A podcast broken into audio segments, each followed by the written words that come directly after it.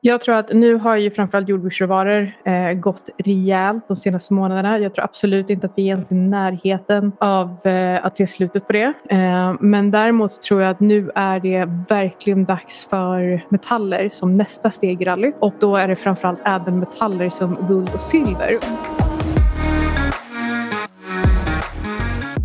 Hej och välkomna till Antilop Hedge Podcast. Heter vi Antilop Hedge eller heter vi Antilop Podcast? Alltså jag säger bara välkommen till Antilop. Ja, men... Hej och välkomna till är... med flera namn. Eh, avsnitt 34. Ja, vi ska prata om att fånga fallande knivar. Eller du vill kalla det för något annat? Nej, men jag tänkte faktiskt säga det. Du sätter ganska mycket catchigare titlar än vad jag gör. Men jag döpte det till att gå vidare från en idé till en annan. Och då skrev du efter fånga fallande knivar och vräka vinnare. Alltså jag skulle ju jobbat på Expressen egentligen. Rubriksättare. Micke säger mm. upp sig som världsfondsförvaltare. Eh. du kan aldrig gissa vad som hände sen.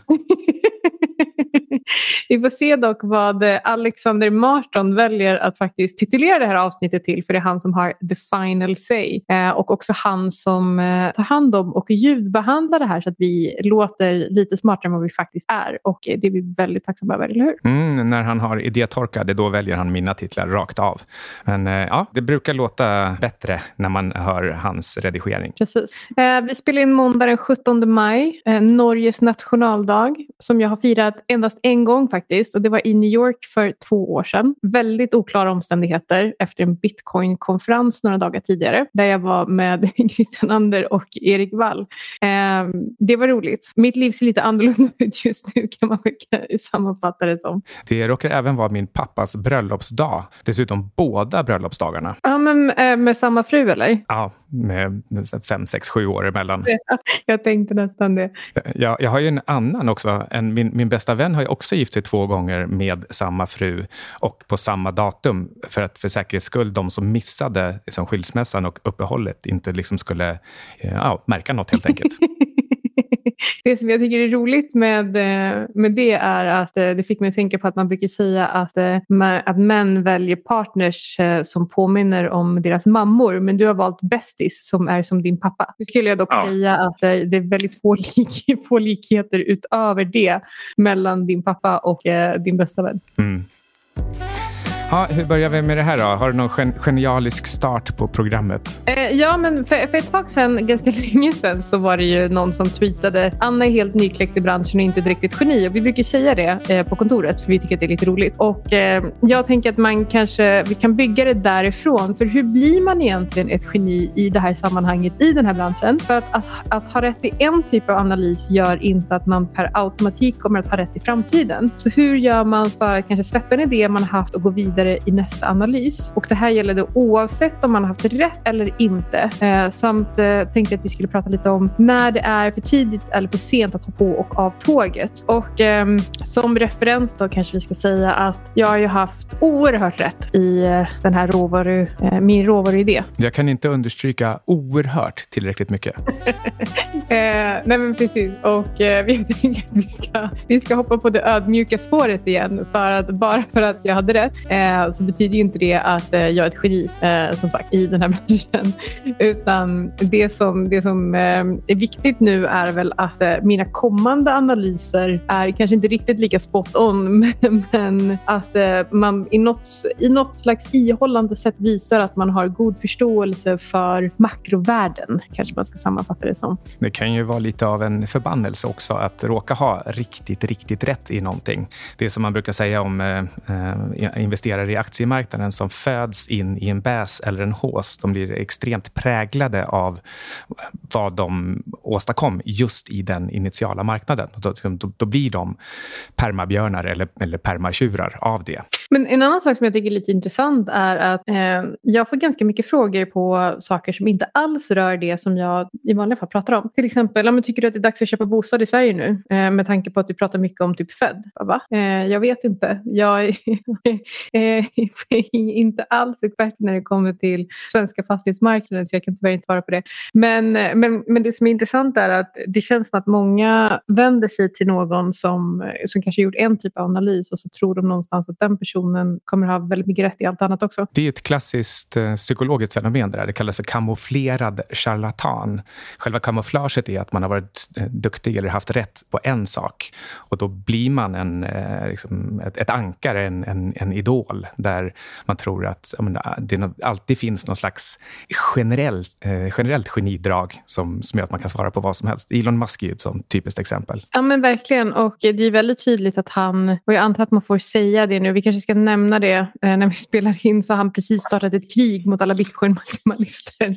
Ehm, att ehm, det är väldigt tydligt, han förstår inte riktigt teknologin bakom, eh, bakom blockchain, bakom krypto och det är rätt tydligt när han pratar om att eh, det ska finnas sätt att skala upp Doge till exempel. Ehm, det funkar liksom inte riktigt så. Ja, man kanske ska säga att det är baserat på vad han faktiskt skriver och säger. Så, så låter det som att han inte förstår någonting eller att han ligger fyra, fem år efter efter marknaden. Men det kan ju också vara så att han eh, spelar 5D-schack. Att han, att han försöker framstå som en riktig idiot för att han döljer sin riktiga agenda. Det, det har han ju gjort förut. Men, men, vi kan ju bara tolka vad han, vad han säger. Ja, men precis. Exakt. Och vi, vi kan bara analysera den information som vi har. Vi ska inte göra några antaganden. Eh, men, men för att gå in på att eh, vräka vinnare och eh, fånga fallande knivar då. Många pratar ju ofta om att inte tajma marknaden och eh, vi på Antilop håller väl kanske inte riktigt med om det. Men någonting som vi ska prata lite mer om är hur man egentligen tajmar sina idéer och hur man positionerar sig efter de idéer som man har. Och för att vara liksom extra tydliga då innan vi går in på vad det egentligen är vi pratar om. Så det vi framförallt fokuserar på är makro. Så att, eh, för det är väldigt stor skillnad på när man pratar makro och mikro i det här sammanhanget. För att det är en sak att försöka tajma sina idéer i, eh, eh i en makroallokering eller en allokering baserad på en makroanalys och när man eh, analyserar enskilda bolag. Eh, så det här avsnittet är framförallt makro. Jag är eh, oerhört dålig på enskilda bolag så det är bra att vi har dig med oss i, i både teamet och i podden. Mm. Ska vi understryka oerhört tur att jag är med? I can't stress oerhört enough.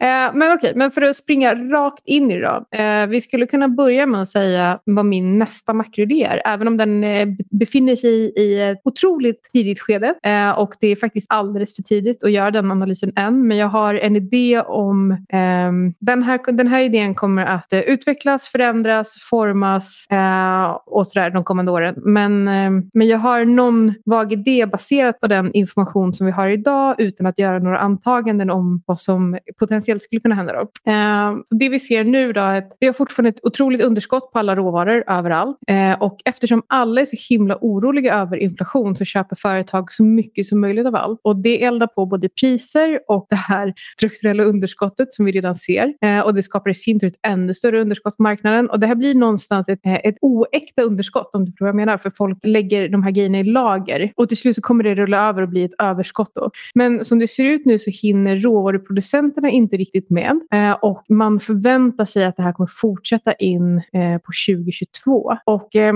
jag tror att nu har ju framförallt jordbruksråvaror eh, gått rejält de senaste månaderna. Jag tror absolut inte att vi är egentligen i närheten av eh, att se slutet på det. Eh, men däremot tror jag att nu är det verkligen dags för metaller som nästa steg i rallyt och då är det framförallt ädelmetaller som guld och silver. Och guld har haft det ganska tufft sedan augusti förra året men har sedan botten i slutet på mars klättrat från strax under 1700 dollar till eh, cirka 1850 när vi spelar in det här. Eh, så, nu, eh, så nu befinner vi oss mitt i den här, i den här traden då som jag, som jag började göra för några år sedan. Eh, så jag funderar på om man ska prata lite om hur, hur jag positionerar mig inför de här idéerna som jag har. Har du någon, har du någon tanke eller något eh, infall innan dess? Mm, ja, första är väl kanske att eh, man måste hålla lite koll på hur långa cykler vi pratar om. Um, nu sa du att du tror inte alls att den här agri-råvaruboomen är över ur ett lite längre perspektiv. Alltså den skulle mycket väl kunna vara fem eller tio år till exempel. Alltså det vore nästan mer naturligt att det är så. Det, det blir fler människor, ekonomin växer hela tiden och samtidigt så finns det mindre odlingsbar mark. Så det spelar liksom inte så stor roll hur mycket som hamnar i, i lager. Och du startar inte upp produktionen av av liksom sojabönor på ett sätt så att det syns för, eh, för den globala tillgången över en natt heller. Utan det tar ju ganska många säsonger innan det är up and running. Men däremot så menar du att det, det skulle kunna vara så att till exempel metaller under en, en period, en, en, liksom en, en liten minicykel här på ett år eller två, eh, tar över och går snabbare än agri, eller till och med att agri liksom går ner tillfälligt från, från en lokal topp och, och att därför är metaller bättre i ett, ett år eller två. Men, men in, ingen av cyklerna är, är liksom över. Nej, men precis. Utan det är snarare... För nu har positionerna i, i mina jordbruksråvaror de har vuxit så pass mycket så jag måste ändå skala ner dem och då måste jag fundera på vad är bästa platsen att eh, stoppa, de här, stoppa det här överskott, överskottet i. Eh, och eh, då tror jag att eh, det definitivt är ädelmetaller nu. Eh, förra veckan gjorde jag en omallokering där jag sålde en del av palladium och eh, köpte mer silver för det till exempel. Jag äger fortfarande både palladium och silver.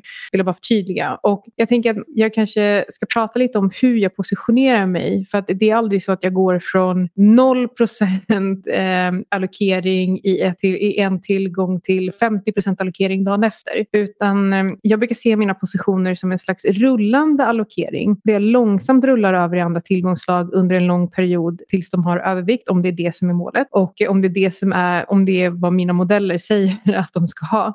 Och sen rullar över långsamt och låter nästa idé växa in i sin position. Eh, och det gör att eh, jag behöver liksom inte ha superconviction. Eh, det har jag ju ofta ändå. Liksom. Eh, men jag skulle aldrig size upp en allokeringsidé stort över en natt utan det sker liksom med några procentenheter eh, åt gången i takt med att marknaderna rör sig i relation till varandra. Och jag antar att för dig Micke så, blir det, så är det väldigt annorlunda för när du har en idé om ett bolag som du... Det är också därför som det blir så himla stor skillnad mellan mikro och makro. För när du har en idé över, eh, om ett bolag eh, som du vill gå lång eller kort eh, då behöver du initiera den positionen från noll till full size ganska direkt för att hänga med i den trenden eller det momentum åt vilket håll det nu rör sig åt. Jag tror anledningen till att det då kan verka eh, som att det är väldigt mer annorlunda och eh, binärt, det beror bland annat på alltså dels skillnaden mellan eh, hur jag gör för fonden Antilop och, och respektive privat. Ehm, och, det har lite grann med, med riskhantering att göra. Men, men till exempel då i, i Antilop så har jag 24 positioner, 12 långa och 12 korta. Och även om jag får en ganska annorlunda övertygelse om vilka branscher som, som ska gå upp eller ner relativt varandra, så, så är det ändå så att jag byter ut vissa par. Alltså jag byter inte ut alla 24 paren eller, eller alla åtta branscherna, utan eh, jag, jag, byter några par eller någon bransch i taget. Så det, i, i, det blir ändå som en, lite grann som, som din rullande eh, strategi. Eh, just, just för att jag inte byter alla. Men, men däremot i min egen privata strategi, där är jag desto mer binär, men fortfarande inte helt binär. Så till exempel om jag har två aktier som jag tror mycket på, lite grann som du tror på ädelmetaller och agri samtidigt, så, så viktar jag de här eh, successivt från den ena till den andra beroende på hur de har rört sig relativt varandra. Och, och, och det blir ändå också liksom rätt så rullande och ytterst sällan så av de här två aktierna som jag tror på, det är ytterst sällan som jag äger bara den ena. Eh, däremot så kan det vara 90-10 i vikt till exempel ibland. Så, så, så det, det, är inte riktigt så annorlunda som, som det ibland kan, eh, kan verka. Men, men, men, men däremot som sagt då i, eh, i den institutionella strategin här på Antilop så då är det så att jag kan inte ha halvposition i en, en aktie, utan om jag är kort Tesla, då är jag kort hela liksom 24 delen i Tesla eller inte alls. Precis, och det var väl det som var lite min poäng. Och jag har ju tre delar i, eh, i Cygnus och det är eh, ädelmetaller, det är aktier och det är jordbruksråvaror. Eh, och sen så har jag inom alla dessa har jag ju också enskilda positioner på enskilda tillgångar. Och när jag, när jag pratar nu och pratar om den rullande allokeringen då pratar jag alltså mellan de tre tillgångsslagen, så mellan de tre delarna av portföljen. Så det innebär att från en månad till en annan så kommer jag nog inte gå från nästan 60 procent eh, jordbruksråvaror som jag har nu ner till 20 procent. Eh, för det skulle vara liksom ett för stort hack för riktigt. Om det inte är så att marknaderna rör sig så snabbt i eh, takt till varandra. Då. Men jag har lite svårt att se det. Utan då är det snarare så att jag, ehm, jag viktar ner lite, liksom några procent i taget, men då kanske jag gör det veckovis istället. Jag, jag, jag tror ur ett institutionellt perspektiv, som ditt till exempel, då är det eh, smart att sakta glida över från den ena till den andra på det sättet som du gör Bland annat för att själva grunden till det, det är någon slags kombination av en, en fundamental analys och vi kan kalla det för övertygelse eh, å ena sidan och tekniska trender å andra sidan. Och, och, bara för att någonting har blivit relativt eller absolut billigt eller dyrt så betyder inte det att det är dags att, att gå, gå till full vikt eller minvikt i, eh, i det tillgångslaget. Därför att anledningen till att saker blir billiga eller dyra, det är ju för att trender driver priset för långt åt ena eller andra hållet. Och, och de där trenderna, de måste man ta hänsyn till. Och, och de bygger ju då på att, att eh, ett kollektivt, kollektiv successivt får upp ögonen för någonting och så dras man med flockbeteende till det eh, tills dess att liksom, tillflödet inte längre kan öka i takt. Och, eh, och, och, samtidigt så måste man ur ett institutionellt perspektiv börja köpa någonting som man ser är billigt. Men, men, eh, men det är dumt att gå till fullvikt eftersom man också vet att flocken oftast tar längre tid på sig. Precis. Eh, men jag tänkte att vi skulle gå in lite på um, min, eh, min nästa makroidé. Då, för jag, jag, jag nämnde ju att jag fortfarande tror att det är liksom ganska långt kvar innan det är dags för mig att eh, ha överviktigt annat tillgångslag än till exempel jordbruksråvaror eller råvaror generellt. Eh, men det kommer ju finnas ett slut på den här, på den här råvaruboomen även om jag tror att den ligger liksom några några år fram i tiden. Och det jag tror och eh, så som mina tankar går just nu och som jag sa innan, det här kommer att förändras, det kommer att utvecklas eh, under tiden för att jag kan inte, jag kan inte göra en fast analys nu som kommer att gälla om fem år. Det går liksom inte. Eh, men, eh, men till skillnad från förr när, eh, när slutet, på en råvaru, slutet på en råvaruboom brukade markera början på en kommande episk cykel för aktier eh, så är det svårt att säga hur det kommer se ut i framtiden. Och det är för att vi har tryckt så mycket pengar, vi har hållit räntorna så låga eh, och det skulle inne, kunna innebära att om, om några år när de faktiskt, om dem, men jag tror ändå att man förr eller senare kommer att höja räntorna. Eh, eller så kommer vi ha liksom påbörjat eh, övergången till ett nytt finansiellt system och det skulle också påverka den här analysen. Eh, men jag kan inte säga så mycket om det just nu för att vi vet inte. Eh, men om vi antar då att eh, man förr eller senare kommer att höja eh, räntorna eh, så kommer det vara fortsatt ganska tufft för bolag i länder som till exempel USA och eh, där kan man hoppas som sagt att räntemiljön ser annorlunda ut då än idag. Och då tror jag istället att företag i till exempel Kina skulle kunna vara nästa långsiktiga play. Och det som, eh, för jag såg att du hade också, för, för jag såg att du hade också lite tankar kring om, eh, om just aktier. Och vad, vad, tror du egentligen om, om aktier efter den här cykeln? På vilket sätt tror du att det kommer skilja sig från, och då tänker jag både geografiskt och, Eh, eh, och, och analys av eh, tillgångsslaget som sådant efter den här cykeln? Tror du att det kommer skilja sig från innan eller kommer vi gå in liksom i något liknande?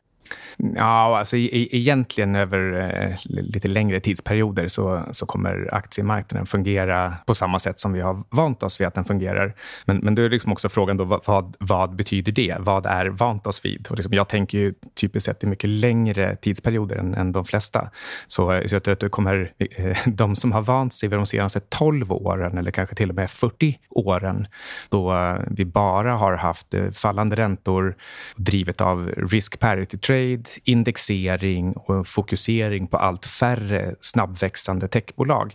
Eh, de som har vant sig vid det tror jag kommer undra vad som egentligen hände. För, för de kommande, låt oss säga 12 till 40 åren tror jag kommer vara eh, som en, eh, som en spegelbild av de senaste 12 till 40. Det vill säga det blir något helt annat. Att man får indexering som verkar baklänges.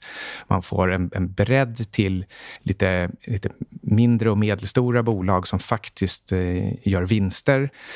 Och man får också se att eh, värderingen av förlustbolag eh, eller värderingsmultiplar på bara rena försäljningskronor kommer återgå till någonting som är mer långsiktigt hållbart. Och om man ska liksom vara riktigt konkret här så till exempel då John Hussman som är en statistikmästare och legendarisk förvaltare. Han eh, brukar redovisa sina grafer över hur till exempel price sales värderingar på Standard Poor 500 utvecklas. Och de senaste 40 åren så har, har price sales multipeln, alltså det som är själva bolagens fundamentala värdeskapande, alltså försäljningen till sina kunder, den, den värderingen har eh, sjufaldigats från 0,5 till 3,5 mellan 1981 och 2021. Eh, ehm, och, och, och det här, eh, den avkastning som man fått under den här perioden, den är alltså till väldigt stor del driven av att själva värderingen har blivit sju gånger så hög. Men, men det där är lite som, eh, det finns en parallell till när du pratar råvaror och råvarulager. Att den här, den här värder, mycket, mycket högre värderingsnivån, det är lite grann som att det ligger sjukt mycket råvaror i lager som kan komma ut. Eh, och, det här funkar, det funkar så länge det funkar om man inte behöver fundera över vem nästa person man ska sälja till är. Och den här nästa personen måste då ha någon slags eh, rationellt kriterium för att köpa och det, det ska ju då vara potentiell avkastning. Och den potentiella avkastningen den kan inte bygga på att värderingarna fortsätter uppåt. För en, en försäljningskrona, i, i teorin så skapar den en, en viss typ av värde till slutanvändaren. Och, och det betyder att över lång sikt så kan inte eh, själva, själva värderingsmultiplarna, värderingsnivån, den kan inte eh, långsiktigt stiga eller falla, utan den återgår alltid till en slags rationellt genomsnitt. Eh, och det har typiskt sett varit ungefär 1x de senaste hundra åren och nu är vi på 3,5x. Så, så det tror jag kommer vara den liksom riktigt stora förändringen kommande decennier. Att vi, vi får se en återkomst för fundamentalt värdebaserad investering och driv drivkraft på marknaden. Och då tror jag, eh, för att knyta ihop cirkeln här, att eh, vi, kommer tillbaka till eh, viktiga tillväxtmarknader som, som Kina och eh, Afrika. Precis, och det är väl lite det som jag är... Eh, kommer till samma slutsats med en lite annorlunda analys. Eh, jag har ju pratat ganska mycket om att jag tror att den här skiljelinjen mellan sydamerikansk ekonomi och amerikansk ekonomi kommer att suddas ut. Och, och det gör att det som kallas emerging markets idag eh, kommer vara liksom det som borde vara det självklara långsiktiga eh, playen i framtiden. Och det som talar för Kina då framförallt, eh, som jag tycker känns mest intressant. Och eh, då tycker jag också att jag ska vara tydlig med att säga att nu pratar jag inte om bara liksom kommande två åren utan det är liksom 5, 10, 15 snarare som jag, som jag tittar på när jag tittar på de här långa rullningarna som jag vill göra mellan mina tillgångslag. Men det som talar då för att Kina skulle kunna leverera framtidens bästa aktiemarknaden, aktiemarknad är att eh, de har inte stimulerat sönder i sin ekonomi under den här pandemin utan de har haft en långsiktig plan med utrymme för långsammare tillväxt under tiden vilket gör att bolagen har bättre möjlighet att växa i takt med ekonomin istället för att bromsas upp av till exempel höjda räntor och åtstramningar i centralbankens balansräkningar. Eh, och det här går ju faktiskt hand i hand med det du pratar om just när det kommer till att eh, man har låtit värderingarna eh, krympa eller, eller liksom vara var lite lägre för att det ska finnas utrymme för att de ska växa i takt med ekonomin sen. Och eh, en annan sak som jag tycker är väldigt intressant när man tittar på, för jag vill ju någonstans placera mina pengar där jag tror att ekonomin, landets ekonomi har bäst förutsättningar för framtiden. Eh, och eh, Kinas valuta växer snabbast av alla om man tittar på centralbankers valutareserver. Och trots det så står den kinesiska renminbin för endast bara 2% av valutareserverna globalt. Eh, men man estimerar att kring 2030 kommer att ligga på typ 10 15 procent. Eh, och det här är samtidigt då som, att, som den amerikanska dollarn bara minskar i reserverna. Och det talar också för att eh, efterfrågan på dollar eh, krymper och det kommer också driva på inflationen i, eh, i, eh, i allting som eh, i USA. Då. Eh, och samtidigt så har Kina, precis som att de har haft en långsiktig plan under hur de har hanterat ekonomin och eh, stimulanser under pandemin, så har de i takt med att de har blivit allt rikare flyttat över produktion av både teknologi och mat till andra delar av världen. Eh, teknologi till Afrika vilket gör att Afrika skulle kunna vara liksom, eh, en, eh, ett geografiskt område att rulla över i efter Kina. Så man börjar med Kina långsamt, sen går över i Afrika. Eh, jag tror att du pratar lite också om Afrika där. Och eh, mat till Sydamerika. Jag skulle, det dröjer ganska länge innan jag skulle våga stoppa pengar i Sydamerika, så jag är inte där ännu. Ehm, och eh, sen i takt med att man gjort det här också så har de eh, erbjudit betalning i yuan snarare än amerikanska dollar. Så de är eh, väl förberedda och har skapat liksom en stor allians för att skapa de här förutsättningarna för att inte bara gå förbi USA i titeln världens största ekonomi utan att också göra det med hästlängder. Eh, så jag tror att när det är dags för mig att öka allokeringen eller ha liksom en ganska stor övervikt i aktier om, eh, om ett par år, då är det inte säkert att det kommer vara USA. Eh, utan eh, utan jag, jag lutar lite åt, eh, åt andra marknader faktiskt. Eh, jag vet att vi, vi pratar om, jag ska fokusera på developed markets, men man får nog faktiskt eh, påstå att Kina får räknas till det ganska snart. USA har länge varit eh, den mest dynamiska ekonomin och de har tillåtit mest inflyttning från eh, liksom alla möjliga delar av världen och de har haft den här fantastiska eh, Silicon Valley och, och även Hollywood som, som drivkrafter för, för talang. Men eh, om dollarn får liksom minskad efterfrågan och man därmed inte lika, lika lätt kan trycka hur mycket pengar som helst och, och stimulera ekonomin med, med de här, eh, egentligen på bekostnad av resten av världen, ja, då, det, det tror jag också bidrar till det här som jag pratade om, att man får, får se en reversion av all den här framgången vi har sett för, för både aktier och inte minst amerikanska aktier de senaste 10 till 40 åren. Då, och då tror jag även att de här... Eh, alltså även om Google och Facebook och de här kommer fortsätta vara eh, kanske till och med globala dominanter. Alltså jag säger inte att, de, att det måste reverseras, men värderingarna av den typen av bolag eh, har blivit så, så höga hög och framförallt då driven av den här indexeringssjukan, alltså passivt investerande utan eh, någon som helst hänsyn till själva värderingarna. Ehm, om, om, eh, på grund av de höga värderingarna så, så gör eh, en reversion av sentimentet och penningflöden att de aktierna och därmed hela aktiemarknaden i USA kan komma att gå riktigt, riktigt dåligt. Och det, och det är för att i, i slutändan så är det fundamenta och inte gamla värderingsökningar som, som är det som driver avkastningen. Så eh, eh jag, jag, tror också att vi, vi börjar närma oss slutet på den här dollarhegemonin och amerikansk ekonomis eh, hegemoni. För det är ju fortfarande alltså det är ett marginellt land befolkningsmässigt. Ja, och när man också tittar livslängd på eh, reservvalutor tidigare så, så dollarn går mot slutet på, sin, eh, på hur länge det har funkat för tidigare länder. Så det är liksom, om man tittar på historien, nu säger historien ingenting om framtiden tydligen. Eh, men, eh, men ibland rimmar det lite. Och eh, nu ska man inte göra en analys bara baserat på det, men det skulle inte vara så himla konstigt om det, om det här faktiskt är slutet. Jag tror det var Druckenmiller som sa det i en intervju med CNBC bara nu förra veckan, att Feds agerande är totally inappropriate. Jag tyckte det var så himla bra uttryck.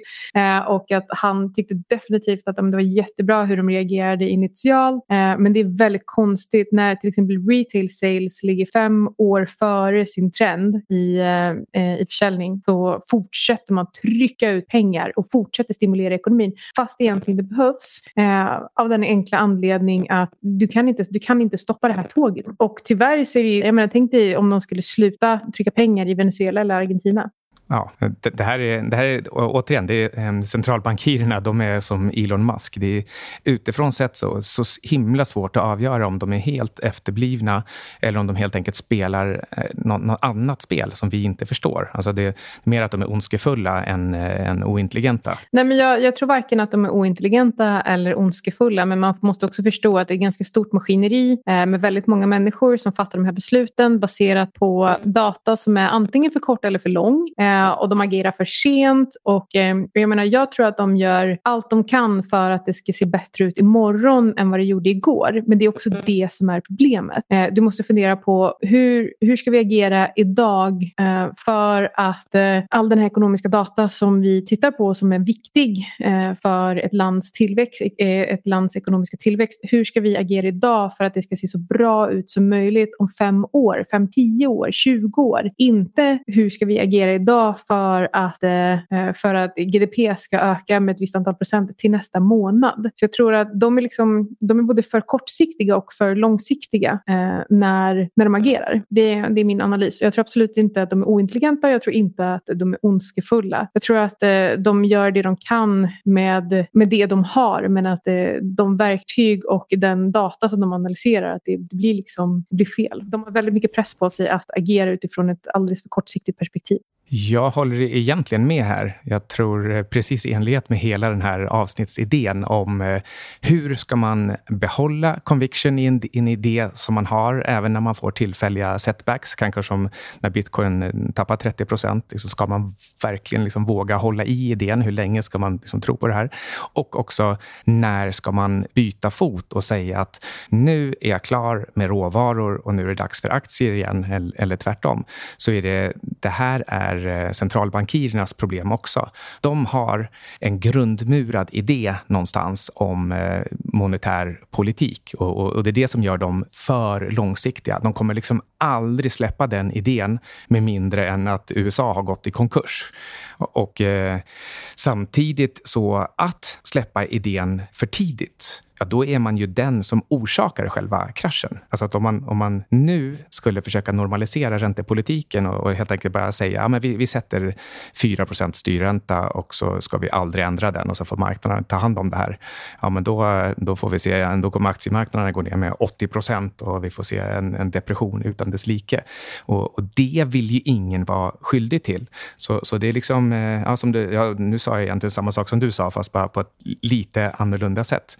Vill vilken övertygelse ska man ha för att hålla kvar respektive byta en idé? Och det, ja, det, hur långt är ett snöre? Så vad är för tidigt och, och vad är för sent? För att kanske knyta ihop säcken då. Ehm, jag började prata om jordbruksråvaror 2016 tror jag det var. Ehm, och ehm, med facit i hand så var det lite tidigt. Uh, 2018 jag köpte botten på sojabönor efter tullarna när vi var i Grekland. Det var, liksom, det var ganska bra, bra timing på den eh, traden. Men, eh, men generellt generellt så var jag, jag var liksom lite tidig, men jag tror att man, jag tror att man måste vara tidig. Eh, och jag tror att, eh, för då låg jag definitivt inte 60% lång jordbruksråvara heller, utan den positionen har vuxit. Så för mig som, eh, som är väldigt, väldigt långsiktig i min eh, övergripliga strategi eh, så är det ett måste för mig att också långsamt rulla över i mina makroidéer för att jag tittar på cykler som är 10, 15, 20 år eller längre eh, när jag gör de här analyserna och eh, då spelar det liksom ingen roll om jag, eh, om jag ett år eh, ligger liksom övervikt i, eh, i ett tillgångslag som underpresterar det andra tillgångslaget. För Det är också det som är poängen. Det är också därför som jag investerar i många marknader samtidigt. För att jag eh, kan inte göra en analys som är tillräckligt bra timingmässigt för att jag ska kunna ligga 100% eh, lång i den.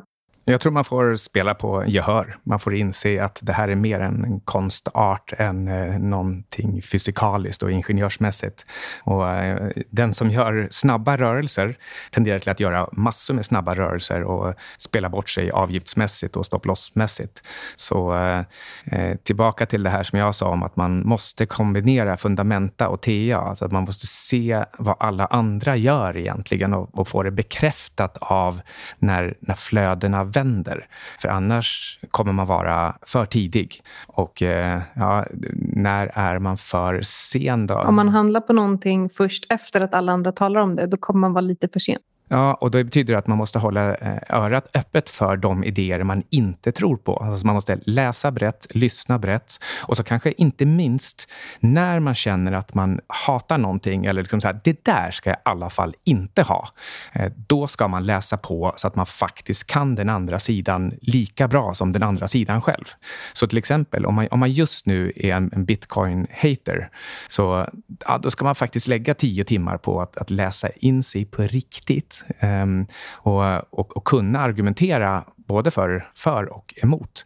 Och, och sen, eh, och, och, sen behöver inte det betyda att man ska fatta ett beslut om just bitcoin, utan själva poängen här är bara att, eh, att läsa och lyssna brett, så att man har en, en stor repertoar av, av input hela tiden. För, och, och sen kan man liksom bubbelsortera de här, man, man liksom nästan som ett slags slutspel. Man ställer dem mot varandra hela tiden, så att man har en, en ganska tydlig ranking på vad man skulle och inte skulle vilja investera i. Och, och, och det betyder att man upprätthåller den här idén hela tiden, då, eh, då, då kommer det smyga på en att nej, men alltså kanske det här med att det inte finns något alternativ till aktier. Jag kanske inte riktigt håller med om det längre. Och vad kan jag då titta på? Nu ska vi se. Anna har pratat om, om sojabönor och, och koppar hur länge som helst. Hon är inte något geni direkt och helt nykläckt i branschen. Så liksom, men men, eh, men jag, ska, jag ska kolla hur puckad hon egentligen är nu. Och, och då kanske så glider man över till, eh, till den ljusa sidan förr eller senare. Jag vill också, eh, kanske i och med att vi började med, med det här citatet, Anna är inte ett riktigt geni och också nykläckt i branschen, eller om det var tvärtom. Um, just det här med, inte, med nykläckt i branschen, det, en, om det är någon, någonting som jag verkligen har lärt mig de senaste åren, dels är ju, ju längre, ju längre jag, eh, jag har befunnit mig i branschen, nu är det fortfarande inte så många år, uh, men desto mer uh, blir det lättare för mig att ha mina egna idéer och inte hålla med andra. så att jag, jag kan göra mina egna analyser. Så jag tror att man, man måste också vara noga med att tala om det. Att när man har det här långsiktiga tänket så låt, låt det också ta tid. För att i takt med att åren går så växer din erfarenhet. Och erfarenheten, precis som du sa, det här är en konstform. Eh, det gör att erfarenhet är oerhört viktigt. Visst var det någon som bad, det finns väl den här historien som säkert är liksom en urban myth om hur någon bad Picasso måla, eh, skissa upp något på en servett och han gjorde det och sen så sa han, bad, han, bad han om hutlöst mycket betalt och då sa personen, vadå det tog dig två minuter att rita den här och sa nej det har tagit mig 40 års av erfarenhet att lära mig hur jag ska kunna göra det på minuter så du får betala mig för de här 40 åren. Eh, och någonstans att, eh, att lära sig hur man kopplar ihop ett och två eh, det är inte så att du kan läsa en bok och sen så eh, är du ett geni, utan eh, eh det, tar, det tar tid. Så, jag, så med all ödmjukhet, jag är nykläckt i branschen och är inte direkt ett eh, geni ännu. Och jag är lite eh, den exakta motsatsen här, så får ni tolka det som ni vill. men, men, men eh, det som är så förrädiskt med investeringar, det är också att eh, eh, man, man kan ligga steget före eller steget efter och göra lika bra ifrån sig. Och när man är helt ny så kan man ju vara liksom lite naiv och lite steget efter och, och, och vara väldigt riskvillig. Och liksom man, man, man hamnar in på, på ett spår utan att riktigt tänka efter alla för och emot. Och, och, och så går det väldigt, väldigt bra. Och, och, det här gör sen att man, man fattar dåliga beslut längre fram när man egentligen borde byggt upp en erfarenhet av att analysera sina rätt och fel och sin tur och sin otur. Jag sa ju till mina kollegor på Futures någon gång att Eh, det är så himla jobbigt att försöka ligga steget före, så jag ligger hellre steget efter. Då, då, det, det gillade de inte. Det gidde jag icke svara på. Nej, det är ungefär vad Arne sa. Ja, men, men eh, ja, har du någonting mer att tillägga här? Eh, nej, eh, men eh, nej, inte allt. Utan eh, låt, låt idéer ta tid. Låt dem växa och låt positionerna växa i takt med, med dina idéer. Och, eh, och fokusera på att lära dig så mycket som möjligt. Det är liksom det enda, enda tipset som jag kan ge någon någonsin. Mm, prata med alla och lyssna brett och prata särskilt med dem du inte håller med om. Då har du lyssnat på Anti Syding och svart. Du har lyssnat på Antiloop Podcast som produceras i samarbete med Vexaton Media. Ingenting som du har hört i det här avsnittet har varit någon form av rekommendation och alla placeringar är förknippade med risken att förlora hela eller delar av ditt kapital. Glöm inte att prenumerera i din podcastapp och lämna gärna en recension så hjälper du oss nå ut till fler lyssnare. Mer information om Antiloop hittar du på antiloophedge.com. Där får du även tillgång till Antiloops senaste memos.